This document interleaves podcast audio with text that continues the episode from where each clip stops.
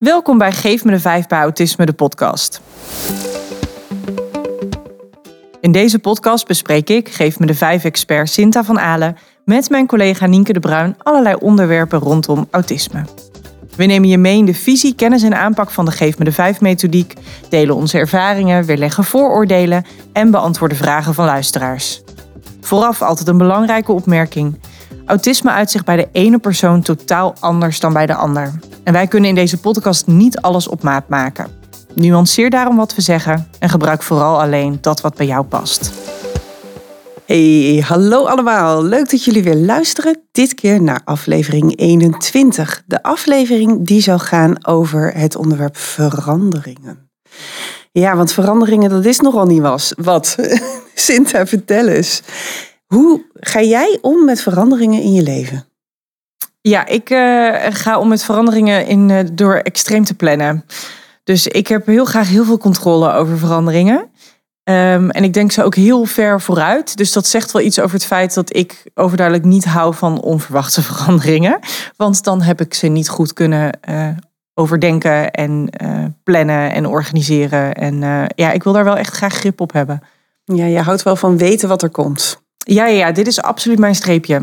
Ja. Ik wil heel graag weten wat er komt. En ik wil, als er, als er iets, iets aankomt wat anders is dan anders, wil ik dat goed voorbereid hebben. En uh, ja, nou weet mijn man dat gelukkig ook. Dus ik was, je hebt het gezien hè, ik was de afgelopen week um, was ik uh, voor het eerst op zijn nieuwe werkplek. Want daar was een Sinterklaasviering. En hij had mij een voice message ingesproken met de aanrijroute. Ik rij gewoon op navigatie, maar als je ergens aankomt met oké, dan moet je hier je auto wegzetten en dan is daar de parkeerplaats. En toen had hij ook nog een foto meegestuurd van het gebouw met een pijl erin getekend van dan moet je daar dus heen, want dan kun je daar parkeren. Omdat hij weet dat ik dan heel veel stress kan hebben van ik ken die plek niet en mijn navigatie brengt me er wel, dat is het probleem niet. Maar waar zet ik dan mijn auto neer en waar zit dan de ingang? Ja, ja dat is een mooi voorbeeld van veranderingen, want dit gaat inderdaad over als er dan een hele nieuwe situatie is waarin je inkomt en je weet nog niet wat te verwachten, dan is dat een verandering, dan is dat iets nieuws. En dan helpt het inderdaad om duidelijk te hebben ja, eigenlijk die details. Hè? Ik heb altijd ook de podcastgasten van tevoren waar ze kunnen parkeren hier als ze hier komen. En, en eh, nou, dan even een appje een paar dagen van tevoren met leuk dat je daar aankomt of dat je komt straks, gezellig om mm. te gaan doen.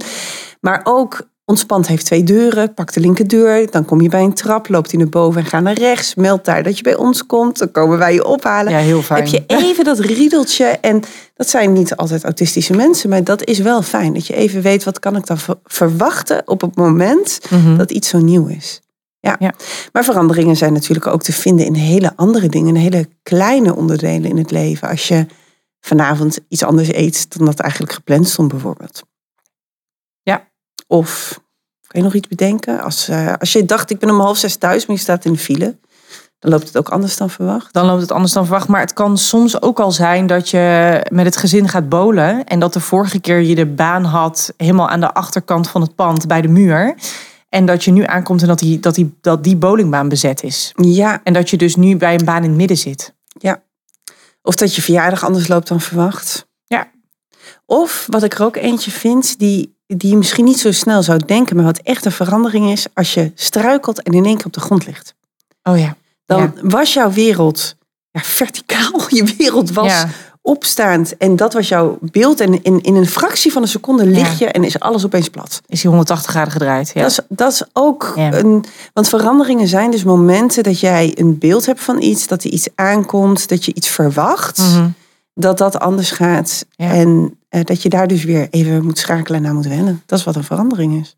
En we hebben nog de grote veranderingen. Een wisseling van school, wisseling van werkplek. Uh, voor het eerst vader of moeder worden. Misschien ook wel voor de tweede en derde keer vader of moeder worden is ook een verandering. Ja, we hebben ook natuurlijk de grote veranderingen in het de leven. De live events. Ja. ja. zeker. Ja, en elk jaar een nieuwe klas, een ander lokaal, een andere leerkracht.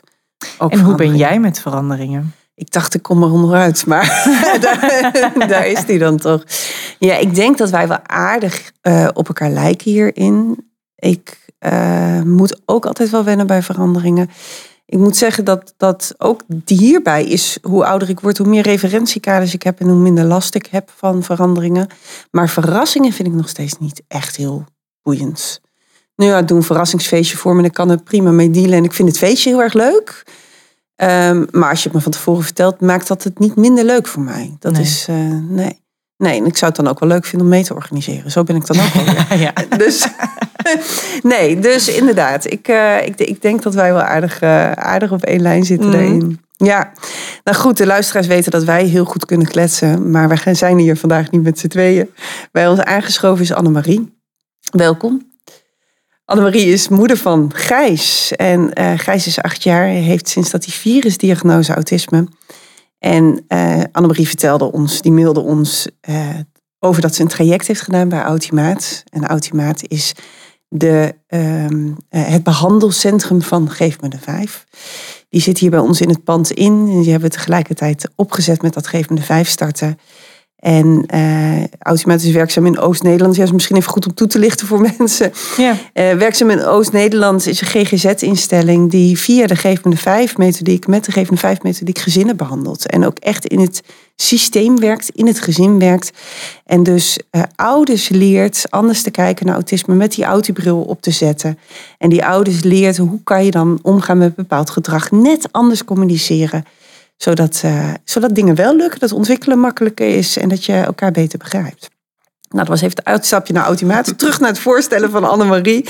Want Annemarie zei, dat traject was zo tof. Ik heb alles wat ik te leren kreeg met beide handen aangegrepen. En ik ben helemaal enthousiast geworden hierover. Ja, absoluut. Ja, en vanuit daar wou je hier komen praten over uh, wat het bij jou thuis teweeg heeft gebracht. Mm maar het onderwerp wat jij koos was veranderingen. Want dat is echt het thema bij jullie thuis, zei je. Ja.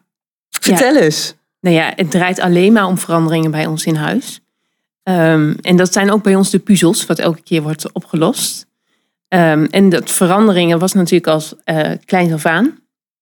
Um, de manier wanneer uh, Gijs al eigenlijk uh, autisme kreeg, was natuurlijk al een behoorlijke verandering. Maar je gaat natuurlijk vanuit dat je een normaal kindje hebt, een in één keer krijgt het een labeltje, dus dat is al een verandering. Um, nou ja, en. Um, Want wat is daar de verandering aan? Nou, je moet toch anders gaan kijken daarin. En de handwater wat je krijgt, um, dat is heel mooi meegenomen, maar je moet het wel toepassen op je kind. En het is je eerste kindje en uh, ja, je doet eigenlijk in eerste instantie maar wat. En dat hij driftbuien heeft en zo, ja, waar komt het allemaal vandaan en waar, waarom doet hij hmm. zo? En ja, je zit met vraagtekens, zeg maar. Ja, heel herkenbaar denk ik hoor. Want je krijgt kinderen en ik vind het zo stom dat je daar eigenlijk niet voor opgeleid wordt. Want het is het belangrijkste wat je te doen hebt. Deze kinderen begeleiden naar een volwassen bestaan. Ja. En dat is wat je probeert als ouder zo goed als je kan. Met alles wat je van vroeger mee hebt genomen. Maar ja, een handleiding krijg je niet. Nee, en je dus... hebt er misschien een bepaald beeld ook ervan, hè? Ja.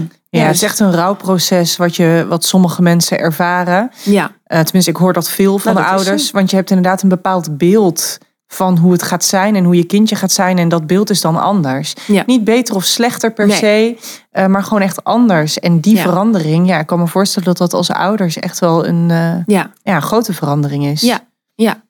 En met tevens was het voor mij een, een, um, een heel leuk proces ook, omdat hmm ik vond het zo interessant en fascinerend wat er allemaal in dat brein allemaal omgaat. Dus ja, door het traject met Automaat stond ik aan en ik wou alleen maar al die educatie hebben en weten waarom en die handvaten uh, echt aanpakken.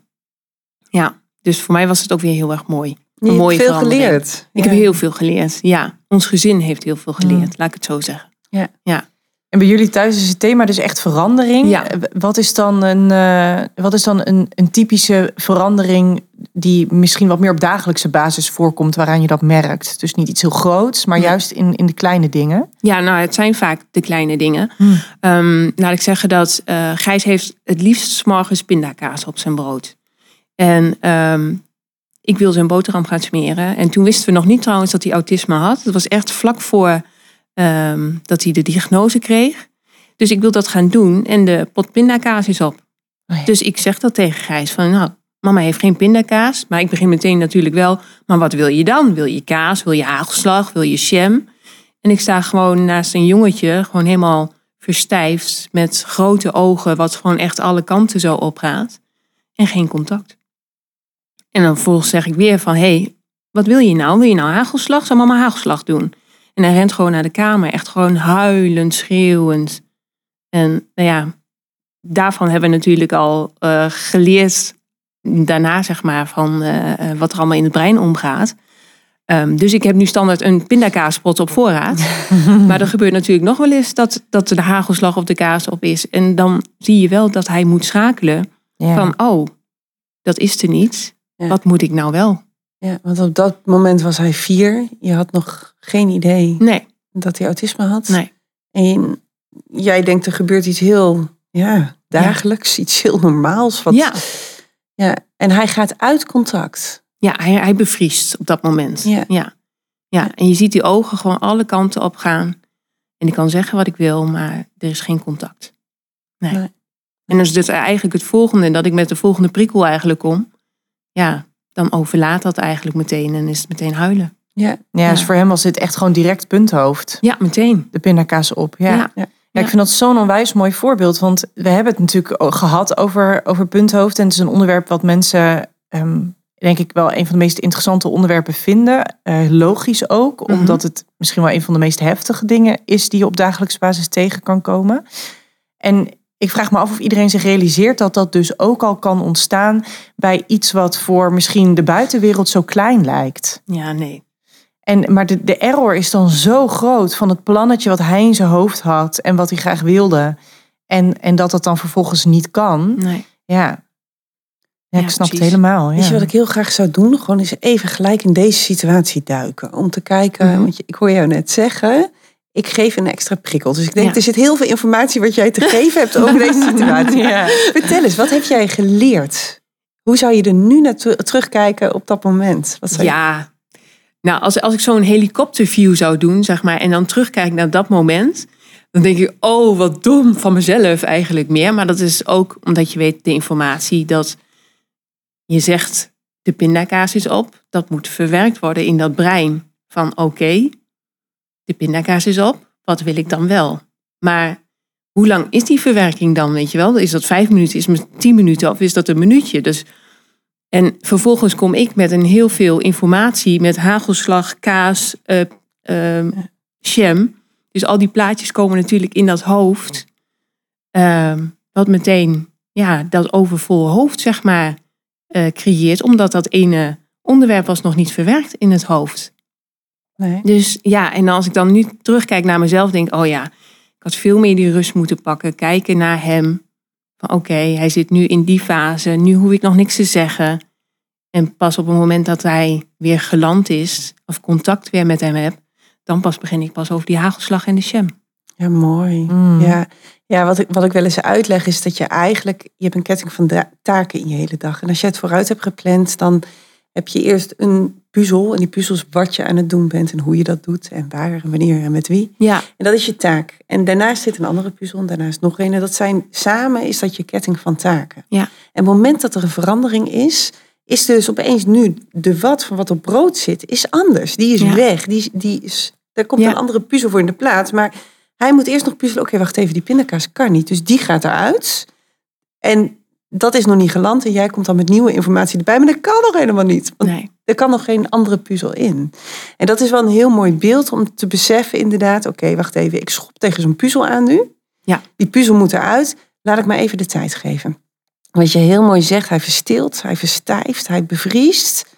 En op een gegeven moment is er een moment en dan is hij klaar met puzzelen. Dan heeft hij hem. Wat zie je dan? Ja, dan zie je die ontspanning weer op zijn gezicht. En dat was met name toen hij dus aan tafel zat te huilen. Toen ben ik er echt bij gaan zitten. En ik heb het eigenlijk maar een beetje zo gelaten. En op het moment dat hij dus ja, klaar was met huilen, toen begon ik dus weer van oké, wat zullen we doen? Zal mama mijn hagelslag doen? Want ik wist dat hij dat ook lekker vond. En toen was het oké. Mooi. Ja. Toen was het goed. Je ziet ontspanning, mm. je ziet weer de contact komen. En op dat moment kan er, oké, voorstel voor een nieuw puzzeltje. Ja, precies. Nee. Ja. Heb je hem op dat moment dan nog een keuze gegeven? Of dacht je dus inderdaad ook, dan gaan we nu, hè, ik weet dat hij dat lekker vindt, dus ik zeg gewoon één, ja. zullen we dit doen? Goed. Ja. Ja, want dat vind ik ook heel handig. Um, dat als je dan hè, even hebt gewacht tot, uh, in dit geval Gijs is klaar is met puzzelen, dat je dan vervolgens nog steeds wel gaat voor een, um, ja, voor, voor eigenlijk praten met een uitroepteken in plaats van nog weer allemaal opties geven. Want kiezen is ook een proces wat heel veel vraagt. Ja. Dus voor sommige kinderen kan het zo zijn dat door de keuzes die ze dan krijgen, ze eigenlijk weer opnieuw helemaal in de stress belanden. Want wat is dan het beste alternatief? En soms is het dan makkelijker om maar gewoon te zeggen: zullen we hagelslag erop doen? Ja, en dat was ook wel een van de leerprocessen om niet te veel keuzes aan te bieden. Gewoon kijken wat vind jij leuk, lekker en daar gewoon voor hem eigenlijk meer een keuze in maken. Ja, ja. ja ik kan me goed voorstellen. Het is mooi dat ik je die inderdaad ook hoor zeggen. Ik denk, die uh, pakken we er ook nog even uit. Ja. ja. Heb je nog zo'n voorbeeld? Nou ja, ehm, wat op dagelijkse basis zeg maar terugkomt, is dat ik heb normaal gesproken stijlhaar. En ik heb soms wel eens van die momenten, denk nou doe gek, doe er even krul in. en dan kom ik beneden en dan zit hij echt met grote ogen me aan te kijken van nou, wat heb jij daar nou gedaan? En de laatste keer zei hij echt tegen mij, toen moesten we naar de logopedie. Mama, ga jij zo uh, naar Lia toe? ja. ja. Nou, ja. Nou ja, ja, hij vond dat ik er verwilderd uitzag. Oh, heerlijk. Oh, oh ja. ja. Ja. Dus, uh, Verwilderd. Ja, ja, ik had hard gewerkt, zo noemde hij ook. Oh, dus, dat zei hij. Ja, ja, dus ik zei, dan moeten we het maar voortaan zo houden ook. Dus, uh, het is wel een mooie samenhang op zich. Dat als je er verwilderd uitziet, dan heb je hard gewerkt. Ja, inderdaad. ja. En dat is ook als ik een bril op heb. Ik heb niet altijd een bril op, maar als ik hem dan in één keer wel op heb, dat moet echt gewoon even, ja, even in dat hoofd gepuzzeld worden van oké, mama heeft nu vandaag de bril op. Ja. ja. En dat zijn gewoon echt dagelijkse dingetjes wat terugkomt. Maar waar hij dus wel even uh, moeite mee heeft. Ja.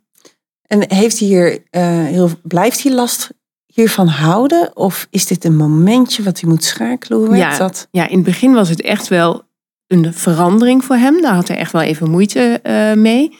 En nu is het echt zo'n, oké, ik zie, mama heeft krul vandaag. Uh, je ziet even zo'n puzzel wat gemaakt wordt. En daarna is het, oké, het is goed. Ja. Okay. Het gaat sneller. Ja. Ja. Ondertitelen jullie het ook wel eens voorafgaand aan, om dat proces van puzzelen een beetje te helpen? Ja, nou niet als ik mijn bril of mijn uh, krullen maak. Nee. Maar in andere situaties wel. Ja, in welke situatie dan bijvoorbeeld wel? Ja, op school. Als ik helemaal veranderingen weet natuurlijk, die geef ik mhm. meteen door. Ja. En uh, met ondertitelen uh, doe ik wel vaak van... hé, hey, ik zie nou aan jouw gezicht dat je het misschien niet zo leuk vindt... dat mama vandaag krullen hebt. Dat wel. Ja. Oh ja, mooi. Om daar al wel weer meteen een soort samenhang voor hem in zijn hoofd ook uh, te maken. Ja, dat hij snapt wat hij voelt. Wat ja. jij het aan de buitenkant al gezien hebt. Ja. ja. En we doen het vaak ook nog wel eens avonds voor het slapen gaan. Dat is echt voor ons een moment. De dag doornemen en um, wat vond je niet leuk, wat vond je wel leuk. En uh, bij de dingen wat niet leuk was, dus misschien dat ik vandaag wel krullen heb. Oké, en wat gebeurde er dan in jouw hoofd?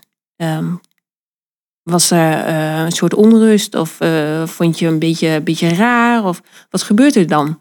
En dan hebben we het daar gewoon samen over, dat hij ook gewoon die emoties en zo kan herkennen. Dan weet je nog de vorige keer dat mama die krullen had. Nou, dat gebeurt eigenlijk hetzelfde als toen op school. Nou, en dan is het eigenlijk weer een beetje duidelijk voor hem. Van, oh ja, ja, dat klopt. Wat goed. Dan ben je echt die situaties aan elkaar aan het plakken en aan het leren dat het hetzelfde is. Ja, ja. en ook die, die vertrouwen geven. Ja, mooi. Ja. ja. Ja. Oh ja, grappig. Wat me opvalt, je komt met allemaal verschillende soorten voorbeelden. En ze, ze liggen ook zo ver uit elkaar. Ja. Het, het, zijn echt andere situaties. Tegelijkertijd gaat het allemaal om veranderingen. Is het proces in het brein hetzelfde? Want het is het, het ja, wennen aan die nieuwe situatie. Maar de aanpak is ook weer anders. Ja, heel anders. Ja. Ja, want bij die pindakaas zeg je, ben ik uiteindelijk, ja, ik zorg gewoon dat ik hem op voorraad heb, want dan gebeurt het niet. Nee, ja, dat kan. Dat, dat is natuurlijk een prima oplossing die ja, ja, heel makkelijk is, want dan komt het gewoon niet meer voor. Nee. Ja, en bij, um, uh, welke noemde je daarna nou? Oh, bij jouw haren ga je in dat moment ga je ondertitelen? Ja. Ja, dus oké, ik zie in jouw gezicht, jij moet hier even aan wennen. Ja. Ik heb wel vaker krullen. Ja. ja. En ik ben niet verwilderd, ik heb niet hard gewerkt, nee. maar dit vindt mama mooi. ja. kan je er ook nog bij zeggen? Ja. Ja, en die is echt heel anders. Ja. Ja. Ja. Ja, en uh, wat ik ook heel veel doe, is het uh, visueel maken. Ah, vertel eens. Ja, dat zijn echt met de grote veranderingen. Mm -hmm. En uh, dan ga ik toch wel op school af.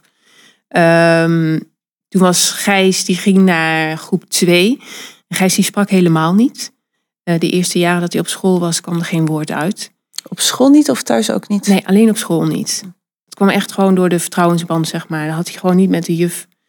Toen kreeg hij een juffrouw waar hij zich wel prettig bij voelde. En daar praatte hij mee. Niet veel, maar er kwam wat uit, dus daar waren we wel blij mee. En die ging na een jaar ging die weg. Dus na de zomervakantie kwam er dus een nieuwe juffrouw, dat wist hij. Ehm, daarbij gingen ze van klassen weer verwisselen. Dus hij kreeg ook nog een nieuwe klaslokaal. Ja. Dus weer een verandering. Ik noemde hem al in de intro. Ja, het gebeurt jaarlijks en toch is het jaarlijks zo'n grote verandering en zo wennen. Enorm. Ja. ja. maar deze uh, omschakeling was zo groot voor hem dat hij is een week naar school gegaan. Hij kwam eigenlijk elke dag kwam hij soort als een bommetje thuis. En vrijdag zei hij: maandag ga ik niet meer naar school. Mm. Ja. Oh. En dat was, een bommetje. Dat betekent dat hij dus thuis ontplofte. Ja. Ja. En het begon eerst met de kleine ontploffingjes. Maar aan het eind van de week waren het echt de, de heftige soorten, zeg maar. Nou ja, maandag ging hij dus niet naar school. We kregen hem echt niet naar school toe. Mm. En dat was ook de start dat we begonnen bij Automaat. Dus daar was ik echt heel blij mee, want die kon ons meteen uh, daarin helpen. Dus het was een enorme verandering voor Gijs.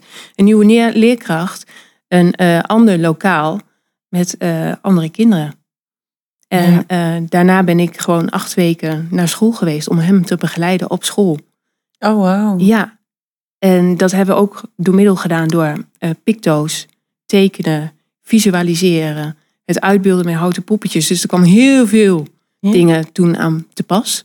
Maar het heeft wel geholpen. Heel veel materiaal hebben jullie gebruikt om, om echt het, het plaatje te schetsen iedere keer. En wat was dan iets wat je door middel van tekenen of poppetjes dan uh, ging, voorspelbaar ging maken? Want ik neem aan dat dat is wat je vooral hebt gedaan. Ja, inderdaad. En wat waren dan dingen die je ging, die je ging uh, visualiseren? Ehm, we hadden een plaat gemaakt van de school. Wij wonen tegenover de school, dus we hadden een plaat van de school, dan de mhm. weg en een plaat van ons huis. En dan hadden we houten poppetjes, een houten poppetje van de juf, een houten poppetje van mama en een houten poppetje van Gijs. En dan pakten we die poppetjes en die zetten we dan mama en Gijs gaan s morgens naar de juf, naar de school. Dus ze zetten die poppetjes over naar de school. En we hadden afgesproken, toen het zeg maar wel goed ging dat hij in de klas bleef zitten, dan gaat mama om negen uur, als je de kring hebt gehad, dan gaat mama weer naar huis. Dus pakte mama het poppetje, hadden we een klokje. En bij dat klokje zette mama het poppetje naar huis. Zodat hij wist van oké, als de wijzers op die staan, dan gaat mama weer weg. Om het zo al visueel te maken voor hem. Ja, en zo de hele dag eigenlijk voorspelbaar te maken. Ja, de rest had ik gewoon allemaal uitgetekend. Ja. ja Alles wat op school ging, wel in combinatie met de juf, dat was heel erg fijn. Dus die gaat gewoon een schema van, we hebben eerst de kring. En dan gaan we een boekje lezen. Daarna gaan we eten, drinken. Dus dat heb ik allemaal uitgetekend, zodat hij precies weet wat er ging gebeuren. Ja, dus ook compliment voor de juf. Die heeft meegedacht. En, ja, uh... ja, en ook met alle andere dingetjes. Dus met uh, uh, rommelpieten, wat s'morgens was. Dan kreeg ik al een berichtje van tevoren. Joh, de rommelpieten zijn vandaag geweest. Oh ja. Wil je een foto hebben? Wil je zien hoe het eruit ziet? Wil je het laten zien aan Gijs? Allemaal van die voorbereidingen dingen. Ja. En dit is ook echt de tip voor, voor leerkrachten die nu luisteren. Als je het spannend vindt om dingen meer voorspelbaar te maken, omdat je dat voor je andere leerlingen niet wil doen, omdat je bijvoorbeeld heel graag voor andere leerlingen de verrassing wil behouden, dan is dit echt een manier om het te doen. Ja. Dat je dus wel het doet zoals je het altijd zou doen. Maar dat je dan voor die leerling die het nodig heeft om er niet pas ochtends achter te komen dat er een rommelpiet in de klas is geweest, dat je dan even al een fotootje of een stukje tekst en uitleg naar, naar uh, ouders of verzorgers doormailt. En met het verzoek, joh, neem dat even thuis door. Zodat het voor die leerling niet een verrassing is als ze ochtends op school komen. Ja, precies. Ja. ja. en Gijs weet dan ook. mooie afstemming. Ja. Hij weet ook van, uh, het is voor jou uh, weet jij het, maar voor de rest is het nog een verrassing. Dus mondje dicht. Nou, en dan doet hij dat ook hoor. Ja, dus die heb je ook ondertiteld. Ja, fantastisch. Ja. En dan ben ik wel even nieuwsgierig, want dat is iets wat ik. Uh, ik kom zelf uit onderwijs. En in mijn ervaring, um, op bijvoorbeeld het uh, speciaal onderwijs, had ik veertien kinderen met autisme in de klas. En als er dan iets bijzonders aankwam, nou bijvoorbeeld zo'n. Um, dat we al wisten, oh, we, gaan iets met, met Piet en Sinterklaas doen, de dag erna.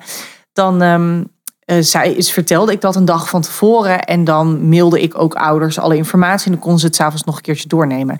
En wat ik dan merkte was dat de klas een beetje nou ja, 50-50 verdeeld was. Voor de helft van de leerlingen was dat helemaal top. Want dan konden ze uh, het al verpuzzelen in de avond. En dan de volgende ochtend hadden ze er zin in en was het positieve spanning. Maar ik had ook altijd wel een aantal leerlingen die dan vervolgens daar nacht van wakker lagen. En waarvan de ouders dan zeiden: Oh ja, wij zouden het eigenlijk liever pas in de ochtend vertellen. Dus toen ben ik op een gegeven moment het maar niet meer op school gaan zeggen, maar gewoon alle informatie doorsturen. En dan konden ouders zelf een inschatting maken. Hoe is dat bij jullie? Kun je het dan beter vlak van tevoren vertellen, zodat het niet allemaal nog opbouwende spanning is? Of zeg je nee, we hebben echt ook wel die puzzeltijd nodig, die verwerkingstijd. Dus we, we moeten het echt wel minimaal een dag van tevoren doen, een grote verandering. Of zelfs nog langer, zodat het verwerkt kan worden. Ja. Wat werkt bij jullie het beste? Voor Gijs het beste? Um, is heel wisselend, moet ik zeggen. Ik merk dat bepaalde dingen vindt hij het fijner om gewoon eigenlijk kort van tevoren. Dan hoeft hij niet te veel erover na te denken waar gewoon te veel spanning op zit. Ja. Dan is dat weer meer ontspannende. Als hij maar wel weet wat er dan allemaal gaat gebeuren. En bij andere dingen bereid ik hem toch echt wel wat langer voor. En dan moeten we soms ook wel eens het mapje sluiten. Wat echt in de toekomst ligt. Ja, zodat het niet in één keer nachtenlang wakker uh, liggen is. Ja, precies. Het, is, het is een beetje aanvoelen, een beetje kijken van wat is de situatie en uh, wat kan die nou meer aan. Ja. Oh ja, dus het is toch een beetje per moment bedenken, ja, hoe groot is de verandering? Ja, ja dat blijft zoeken hoor, is mijn ervaring. Ik ja. ook bij mijn eigen kinderen, dan um, uh, bereid ik voor dat het tandarts daar aankomt. En dat vinden ze niet leuk. En dat doe ik een paar dagen van tevoren. Um, omdat ze dat de vorige keer wouden. en dan oh, krijg je commentaar. Had het nou op het laatste moment gezegd? ja. Ja, weet je, soms weet je het ook niet. De ene keer voelt het ene beter dan de andere, andere denk ik. Ja. ja. soms had ik het idee bij bepaalde leerlingen dat ik het echt wel kon voorspellen. Ja, oké. Um, een beetje afgaande op, vaak waren het de meiden bij mij uit de klas die wakker van gingen liggen. Oh, ja. Die gingen piekeren. Hm. Um, eh, dus ik kon het wel redelijk per leerling een, inschatting maken. Maar dat wil niet zeggen dat het inderdaad 100% uh, eh, foutloos uh, ging. Nee. nee. nee. Nee, maatwerk dus. Ja. ja. ja. Ik blijf nog eventjes uh, napuzzelen over wat je net vertelde over het niet naar school gaan. Want hij zei opeens op maandag, ik ga niet meer naar een weekschool. Nee. En het is iets uh, wat in mijn hoofd blijft spelen, omdat we vaak hier vragen over krijgen. Echt veel te vaak. Um, vragen van ouders op de mail met kinderen die thuis zitten. Ja. En die niet meer naar school gaan. En ik denk dat dat vaak gestart is zoals dit. Ja. Op school zijn en uh, nog niet de band met de leerkracht hebben, nog niet de veiligheid voelen. Misschien wel dezelfde kinderen in de klas, maar een ander tafeltje, een ander plekje, ander lokaal, andere dagverloop, andere manier van doen van de leerkracht. We hadden op een gegeven moment een, een, een, een meisje die had de leukste leerkracht van de school. Alle uh, kinderen vonden die leerkracht fantastisch. Want die stond bovenop de tafels en die deed de gekste dingen. Ja, en dit meisje die zei, het is wel heel erg leuk, maar ik weet nooit wat er gaat gebeuren. Nee. Ja. En wat je hebt gedaan, jij vertelt het als bijna vanzelfsprekend, maar het is heel bijzonder. Met, met poppetjes de weg naar school en daarmee het voorspelbaar maken van het eigenlijk al inplannen. Dit is wat er gaat gebeuren. Ja. Dit is hoe het gaat. En daar zit denk ik ook een. Ehm, ja, hoe zat het met jou? Dat, dat is denk ik de vraag die ik wil stellen. Mhm. Hoe zat het met jouw vertrouwen in Gijs en in de situatie en in school op zo'n op zo'n moment? Nou, ik moet wel zeggen, er zat natuurlijk wel een heel ehm, verhaal vooraf dat ik die acht weken naar school ben geweest. En dat mhm. was niet altijd even makkelijk. Er was soms nog maar een kwartiertje in de klas met een huilend kind op schoot. Dat ik wel dus je bent gaan opbouwen? Ja. Ja, ik ben eerst gewoon een kwartiertje en dan zaten we dan ehm, een tekening te maken. Dat we wel in de klas waren, maar echt op afstand. Dat, mhm. dat hij alles kon overzien. En ook de, leer, de leerkracht. En ehm, vervolgens zijn we dat gewoon echt gaan opbouwen. Uh, totdat ik gewoon hele dagen op school was. Dus uh, nou ja, de leerlingen noemden mij al gewoon juf. Ah. Ja. ik was juf, juf, en moeder van. En ik was de kapster in het dorp. Dus het was oh. moeder, juf, uh, kapster. oh, heerlijk. Ja, ja, ja. ja. En um, nou ja, dat waren hele pittige dagen natuurlijk. Mm. Maar je ziet wel dat Gijs aan het groeien is. Maar hoe heb je gekozen om deze manier te gaan doen? Ja, de... ja het was toch die, die vertrouwing te krijgen in school en in de juf. Ehm, en natuurlijk wel met automaten. Dat, dat heeft ons wel geholpen op Mhm. dat moment. Daarvan krijg je natuurlijk ook de handvaten en het snappen van. Ehm, maar ja, ik heb altijd wel het vertrouwen gehad in Gijs. Ja. Ja. Ja, je hebt eigenlijk gewoon stukje bij beetje zijn basisfundament op school opgebouwd. Iedere Ja. dag weer een beetje meer. Door iedere dag vanuit de veiligheid van dicht bij jou zijn. Ja. Kijken, hè, hoe gaat dat dan? En, en wat doet die juf dan? En wat doen de andere kinderen? En hoe ziet dit lokaal eruit? En wat is mijn plek? En Ja. wat staat er op het programma? En wat krijg ik mee voor eten en drinken toen je eenmaal tot een pauze kwam? En hoe gaat het met buitenspelen? Je hebt dat natuurlijk... Je hebt eigenlijk gewoon dat basisfundament heb je iedere dag een klein stukje aan vastgeplakt. Die ketting van taken die Ja. Nienke noemde, die heb je met, met iedere dag dat jullie terugkwamen, heb je die ketting, heb je weer een puzzeltje achtergeplakt en weer achtergeplakt en weer achtergeplakt. Totdat je Ja. op een gegeven moment zelf eruit kon stappen dus. Ja. En om negen uur naar huis kon gaan. En, ik, en nu ga je volgens mij helemaal niet meer mee Nee. de klas in. Nee. Want het is natuurlijk na de zomervakantie is Gijs weer veranderd van lokaal. Ja. En heeft nu een meester en een juf. Dus weer veranderingen. En we hebben geleerd van de afgelopen keer natuurlijk, van die situatie. Mhm. Ehm, dus ik ben al voor de zomervakantie, heb ik al gesprekken gehad met de leerkrachten. Van, nou ja, wat kunnen we uit die situatie van toen leren en wat nemen we mee? En ehm, de drie dagen voordat Gijs naar school ging, kreeg ik ehm, drie filmpjes van de leerkrachten voor de school. Van, hey Gijs, hier is meester Marco en eh, heb je een leuke vakantie? En we leiden je door de school. Dus ik kreeg echt een hele film door de school.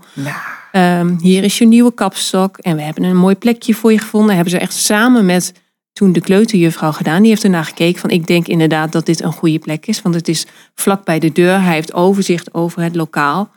Eh, achter hem was het bakje.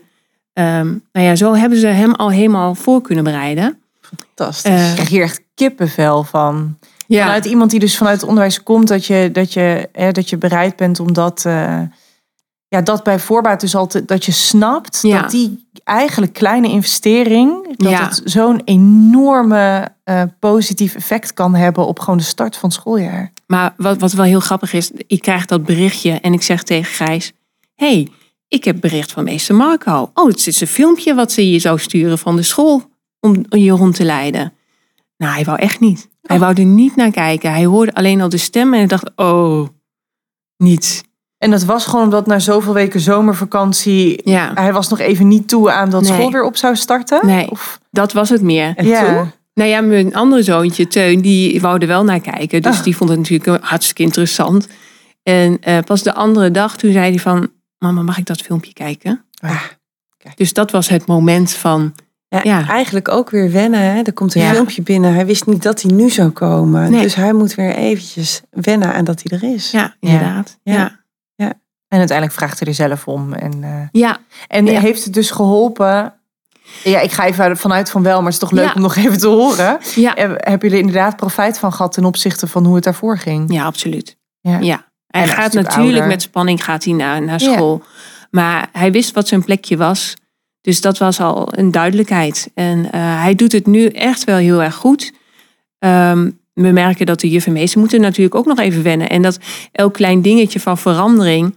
denken hun altijd pas achteraf van... oh ja, dat hadden we eigenlijk misschien beter kunnen voorbereiden. Maar dat is dan weer een les. En dan zeggen ze, ja, dat was niet helemaal slim van ons. Maar nou, Ja, maar als je maar zo ermee bezig bent, dan ga je Ja. het wel merken. Dan Ja. ga je het op een gegeven moment Ja. van tevoren aanzien komen. Denk je, oh wacht even, dit is weer anders dan normaal. ja, Want inderdaad, als je zelf, hè, wij beginnen net de intro, maar wij zeggen, ja, wij hebben daar ook last van. Maar er zijn genoeg veranderingen waar wij zo overheen stappen.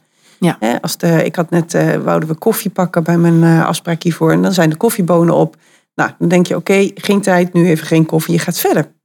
Dat is, ik bedoel, geen probleem, Ja, toch, koffie om half negen 's ochtends. Ik Nou, dit is verkeerd voor het pittige. Nee hoor, nee, maar daar heb je helemaal gelijk in. Ja, ja, ja. Ja, Ja, maar je ook omdat je, en dat is het ook, hè, je hebt het referentiekader opgebouwd, dat je weet, als ik over een uur terugkom, dan zijn die bonen aangevuld. Of dan doe ik het zelf, want dan heb ik er de tijd voor.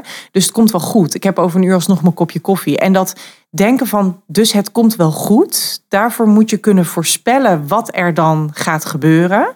Daarvoor moet je kunnen voorspellen dat als de pindakaas op is, dat er wel een alternatief is en dat het ook lekker gaat smaken. En daarvoor moet je eerst de stress van in het moment al weg kunnen hebben. En je moet kunnen voorspellen dat de alternatieven ook goed gaan komen. En dat is vaak nog, ja, zeker voor een kind van vier toen die tijd, dat is dan, dat is, dat zijn, dat is nog drie stappen te ver. Ja. Maar als je ouder wordt en je bouwt referentiekaders op, dan kun je steeds beter voorspellen wat er gaat komen. En kun je dus ook de alternatieven voorspelbaarder krijgen. Ja, klopt. En dat helpt natuurlijk. Ja, ja en het vraagt echt van leerkrachten en van ouders, van de hele omgeving, om die situatie aan te zien komen. Mhm. Om dus dat anders denken wat deze leerkrachten aan het doen zijn. Ja. Om dat je eigen te maken en al van tevoren te weten, oké, wacht even, deze situatie komt eraan. Dat betekent dat Ja. we gaan nu niet rekenen, maar we gaan taal doen. Ja. Dus die ga ik omwisselen. Dan loop ik alvast even naar Gijs en zeg ik, Gijs, dit is wat er gaat gebeuren. Ja, en andersom, ehm, ik heb natuurlijk ook hier de hele planning helemaal uitgetekend. Was nu lastiger als met een boekje lezen en eh, eten, drinken en in de hoeken spelen. Eh, we hebben nu in één keer nieuwsbegrip en eh, andere moeilijke dingen. Dan denk ik, oké, hoe gaan we dat vertalen in een plaatje? Ehm, ja, dus dat heb ik wel gevisualiseerd ook. Ehm, maar ik heb ook neergezet in een plaatje. Als Gijs het even niet weet dat er een verandering is, maar de juf heeft het niet aangekondigd, dan kan je gewoon naar de juffrouw lopen om te vragen: hé, hey, wat gaat er gebeuren? Super. Ja, Ja, dus je hebt ook het stukje zelfstandigheid eh, gegeven in, Ja. een, in een sleutelzinnetje. Hè? Want wat kan je doen als? Ja. deze is zo belangrijk, want hiermee leert hij het leven leven. Natuurlijk kunnen we alles voorspelbaar maken. En op het moment dat hij niet meer naar school was, eh, wou, was jij nodig. Jij was nodig naast hem als veiligheid. En de veiligheid van alle plaatjes die je hebt gemaakt, die waren gewoon nodig. ja, Dat was essentieel. Maar op een gegeven moment, als dat staat, je merkt dat dit jaar is te minder nodig. Want hij krijgt een filmpje en daarmee redt hij het. Ja. Daarmee kan hij naar school. Maar als hij op een gegeven moment de volgende stap nog maakt en leert te zeggen: Oké, wacht even, ik heb het niet duidelijk. We hebben van onze puzzel hebben we ook van die sleutelhangers gemaakt. En die geven we aan alle kinderen mee. Want kijk naar de sleutelhanger en kijk, wat is er niet duidelijk? Is het de wat, de wie, de waar, de wanneer of de hoe? Ja. En begin daar je vraag mee. Want dan weet jij, ik kan beginnen met hoe moet ik dat doen? Of wie mag er met me mee? ja, En zo kan je ze leren de vragen te stellen. En dan leer je het leven leven. ja, Ja. mooi. Heel mooi. Top. Zijn er nog veranderingen waar we nog helemaal niet op in zijn gegaan? Bepaalde ja, soort veranderingen waarvan je denkt, oh ja, maar die kom ik ook nog tegen. Nou ja, ik, ik heb eh, ehm, nieuwe meubels. Oh, dat is ook leuk nog. Ja, Ja. ja. Nou, wij eh, zijn Ja. dus aan het eh, schilderen en nieuwe meubels hebben we gekocht in, in onze woonkamer. Maar dat zijn ook veranderingen voor Gijs. Want daar zaten natuurlijk aan de oude meubels zitten een emotionele waarde ook nog. Ja. En die gaan in één keer weg. Ja, en je woonkamer is dan in één keer jouw woonkamer niet meer. Nee, dat ziet er in één keer compleet anders uit. Ja. Ja. Maar daarmee hebben Gijs gewoon alles eh, meegenomen in het traject. Dus Gijs heeft geholpen met de bank uit te kiezen, met de meubels. Eh, hij wist precies welke kleur op de muur kwam. Om het zo ook allemaal al voorspelbaar te maken. En zo wordt het ook leuk voor hem. Hij geeft nog wel aan, ik moet nog steeds wennen aan die bank. En ik vind nog steeds dit niet zo leuk. Maar eh, ja, Maar het is ook heel mooi het meenemen in het proces. Zo hoorde ik laatst van een vriendin die, eh, die de, de kamer van haar peuter ging verhuizen om ruimte te maken voor een nieuw babytje. Dat met het verhuizen van het ledikantje van de ene naar de andere kamer, ondanks dat het helemaal niet handig is dat je peuter van anderhalf daar eh, bij rondloopt over de gang, hebben ze dat wel gedaan. Want dan kon zij letterlijk zien dat dat bedje naar een andere kamer ging, waardoor zij ook direct wist: oh, hier ga ik straks slapen. Dat hoefde ze haar niet eens te zeggen. Ze wees zelf vanuit het bedje en ze had al slapen gezegd. Want ze begreep gewoon, weet je, dit is mijn bedje. En ik heb gezien ja, dat die verplaatst is. Dus ik snap nu, dit is nu mijn kamer. Ook onwijs slim gedaan. Ja. Terwijl, het is, is het praktisch? Nee, je kunt beter je, je peuter even ergens anders parkeren... als je met meubelstukken gaat sjouwen. Maar het is wel handig voor het begrip van wat er gebeurt. Ja. In plaats van dat je in één keer s'avonds je kindje naar bed brengt... en, en je in een hele andere kamer gaat staan. Ja, Ja, ja heel absoluut. slim. Wij bespreken ook altijd een eh, vooroordeel.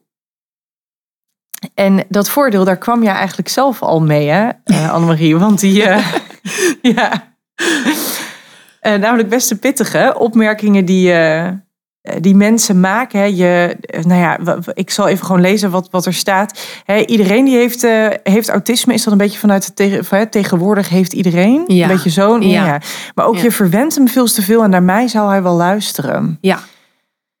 Ja, hij, is een beetje in het kader van wat we vaker hebben gehoord. Hè? Ja, jullie passen te veel aan en breng hem maar een zo is de bij wereld niet. Of breng hem maar een dagje bij mij, ik regel het wel. Ja. ja. ja.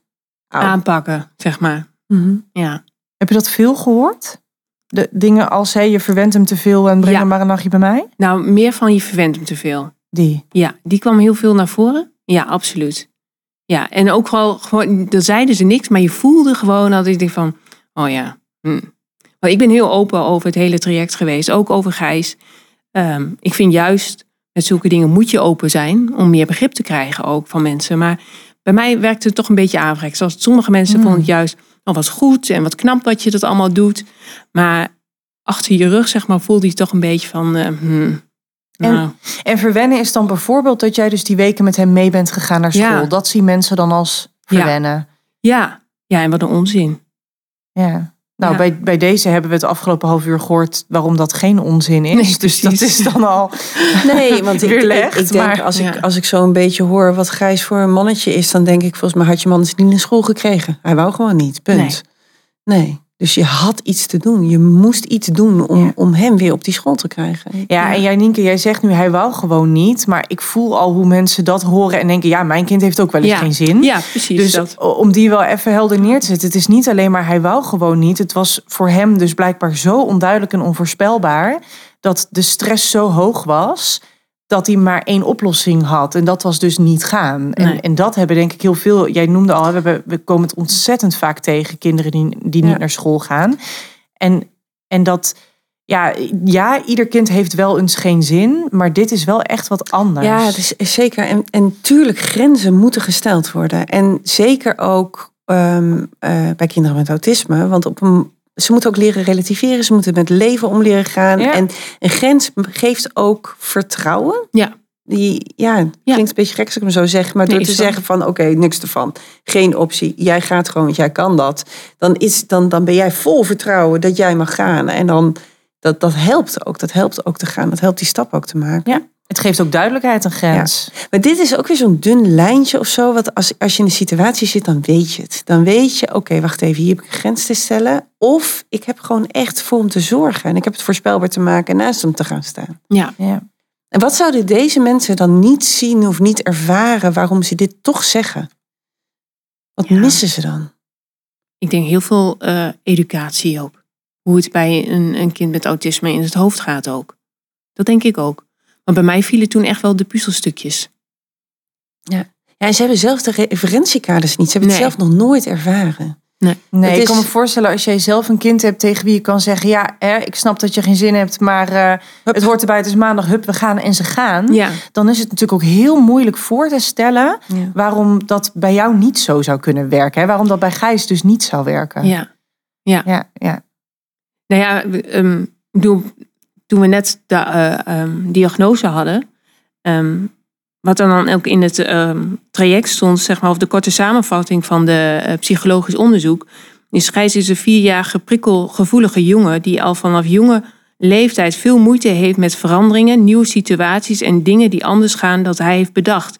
Deze situaties lijken bij Gijs te zorgen voor angst, die zich uit driftbuien, waarbij hij schreeuwt, slaat, bijt en knijpt. Daarnaast kan hij situaties van stress ook blokkeren en op deze momenten verstart en praat hij niet meer. Nou, en vooral met die uh, driftbuien, het slaan en knijpen en zo. Nou, mensen die snappen dat echt niet. Nee. Nee, dan is het echt van, nou, ik zou hem toch eens even. Ja. ja. En dat is echt de pure paniek ja, inderdaad. van de situatie. Ja. en eh, weet je wat het is? Het, is het verschil zit in de oorzaak. Dat is hem gewoon. De oorzaak is niet, ik heb een grens nodig, ik heb duidelijkheid nodig. Maar de oorzaak onder, of die paniek, of dat bevriezen. Want mhm. je, zou je kind van vier maar bevroren voor je zien staan. Ja. Zo overloaded van, wow, de pindakaas is er niet meer. Dan weet je gewoon op zo'n moment, ja, maar wacht even, dit is geen aanstellerij. Dit is niet dat ik een grens moet stellen. Hier gebeurt echt iets in dit kopje en hij heeft mij echt nodig. Ja. Ja. ja. En die heb je gewoon prachtig ja. Ja, ja dat. Ja. Mooi. En dat is nog maar pindakaas, denk je dan, hè? Ja, dat is maar pindakaas. Ja. Ja. Maar die opmerkingen van die mensen, ja, heel fijn dat zij dit niet hoeven te ervaren. Dat ze nee, ja, precies, hebben. precies. En tegelijkertijd weet jij wat jij hebt gezien en weet je wat nodig is. En doet hij het hartstikke goed nu. Absoluut. Ja, ja, echt heel goed. Super. Mooi. Dankjewel voor jouw tijd. Jullie bedankt. En voor het eh, delen van jouw verhaal. De volgende aflevering uh, zal gaan over de puzzel van vijf. En dat is de eerste aflevering van het nieuwe jaar. We gaan dan lekker starten bij de basics, want we hebben het nog nooit gehad over de puzzel van vijf. Nee, je hebt hem, je hebt ik heb hem, net even nu ook genoemd. Ja. Maar daar is veel meer over te vertellen. Dus daar gaan we dan op induiken. En voor nu wil ik alle luisteraars hele fijne feestdagen wensen. Ja, en jullie horen ons dan weer in 2024. Eh, Zeker weten, dan zijn we er gewoon weer. Bedankt voor het luisteren naar Geef me de Vijf bij Autisme, de podcast. Als je je abonneert, dan word je op de hoogte gebracht zodra er een nieuwe podcast online komt. Vergeet niet om een reactie op deze aflevering achter te laten. Dat kan altijd daar waar je de aflevering hebt geluisterd, maar ook op onze social media. Als je nou meer wil leren over onze methodiek, kijk dan even op de website www.geefmede5.nl voor onze boeken en scholingsaanbod. En daar kun je ook een aantal gratis downloads terugvinden om situaties meer voorspelbaar te maken, zoals wat situaties die we vandaag hebben besproken. Heb je nog vragen of opmerkingen over deze aflevering? Die kan je sturen naar podcast.geefmede5.nl. Dat is Geef me de 5 met het cijfer 5.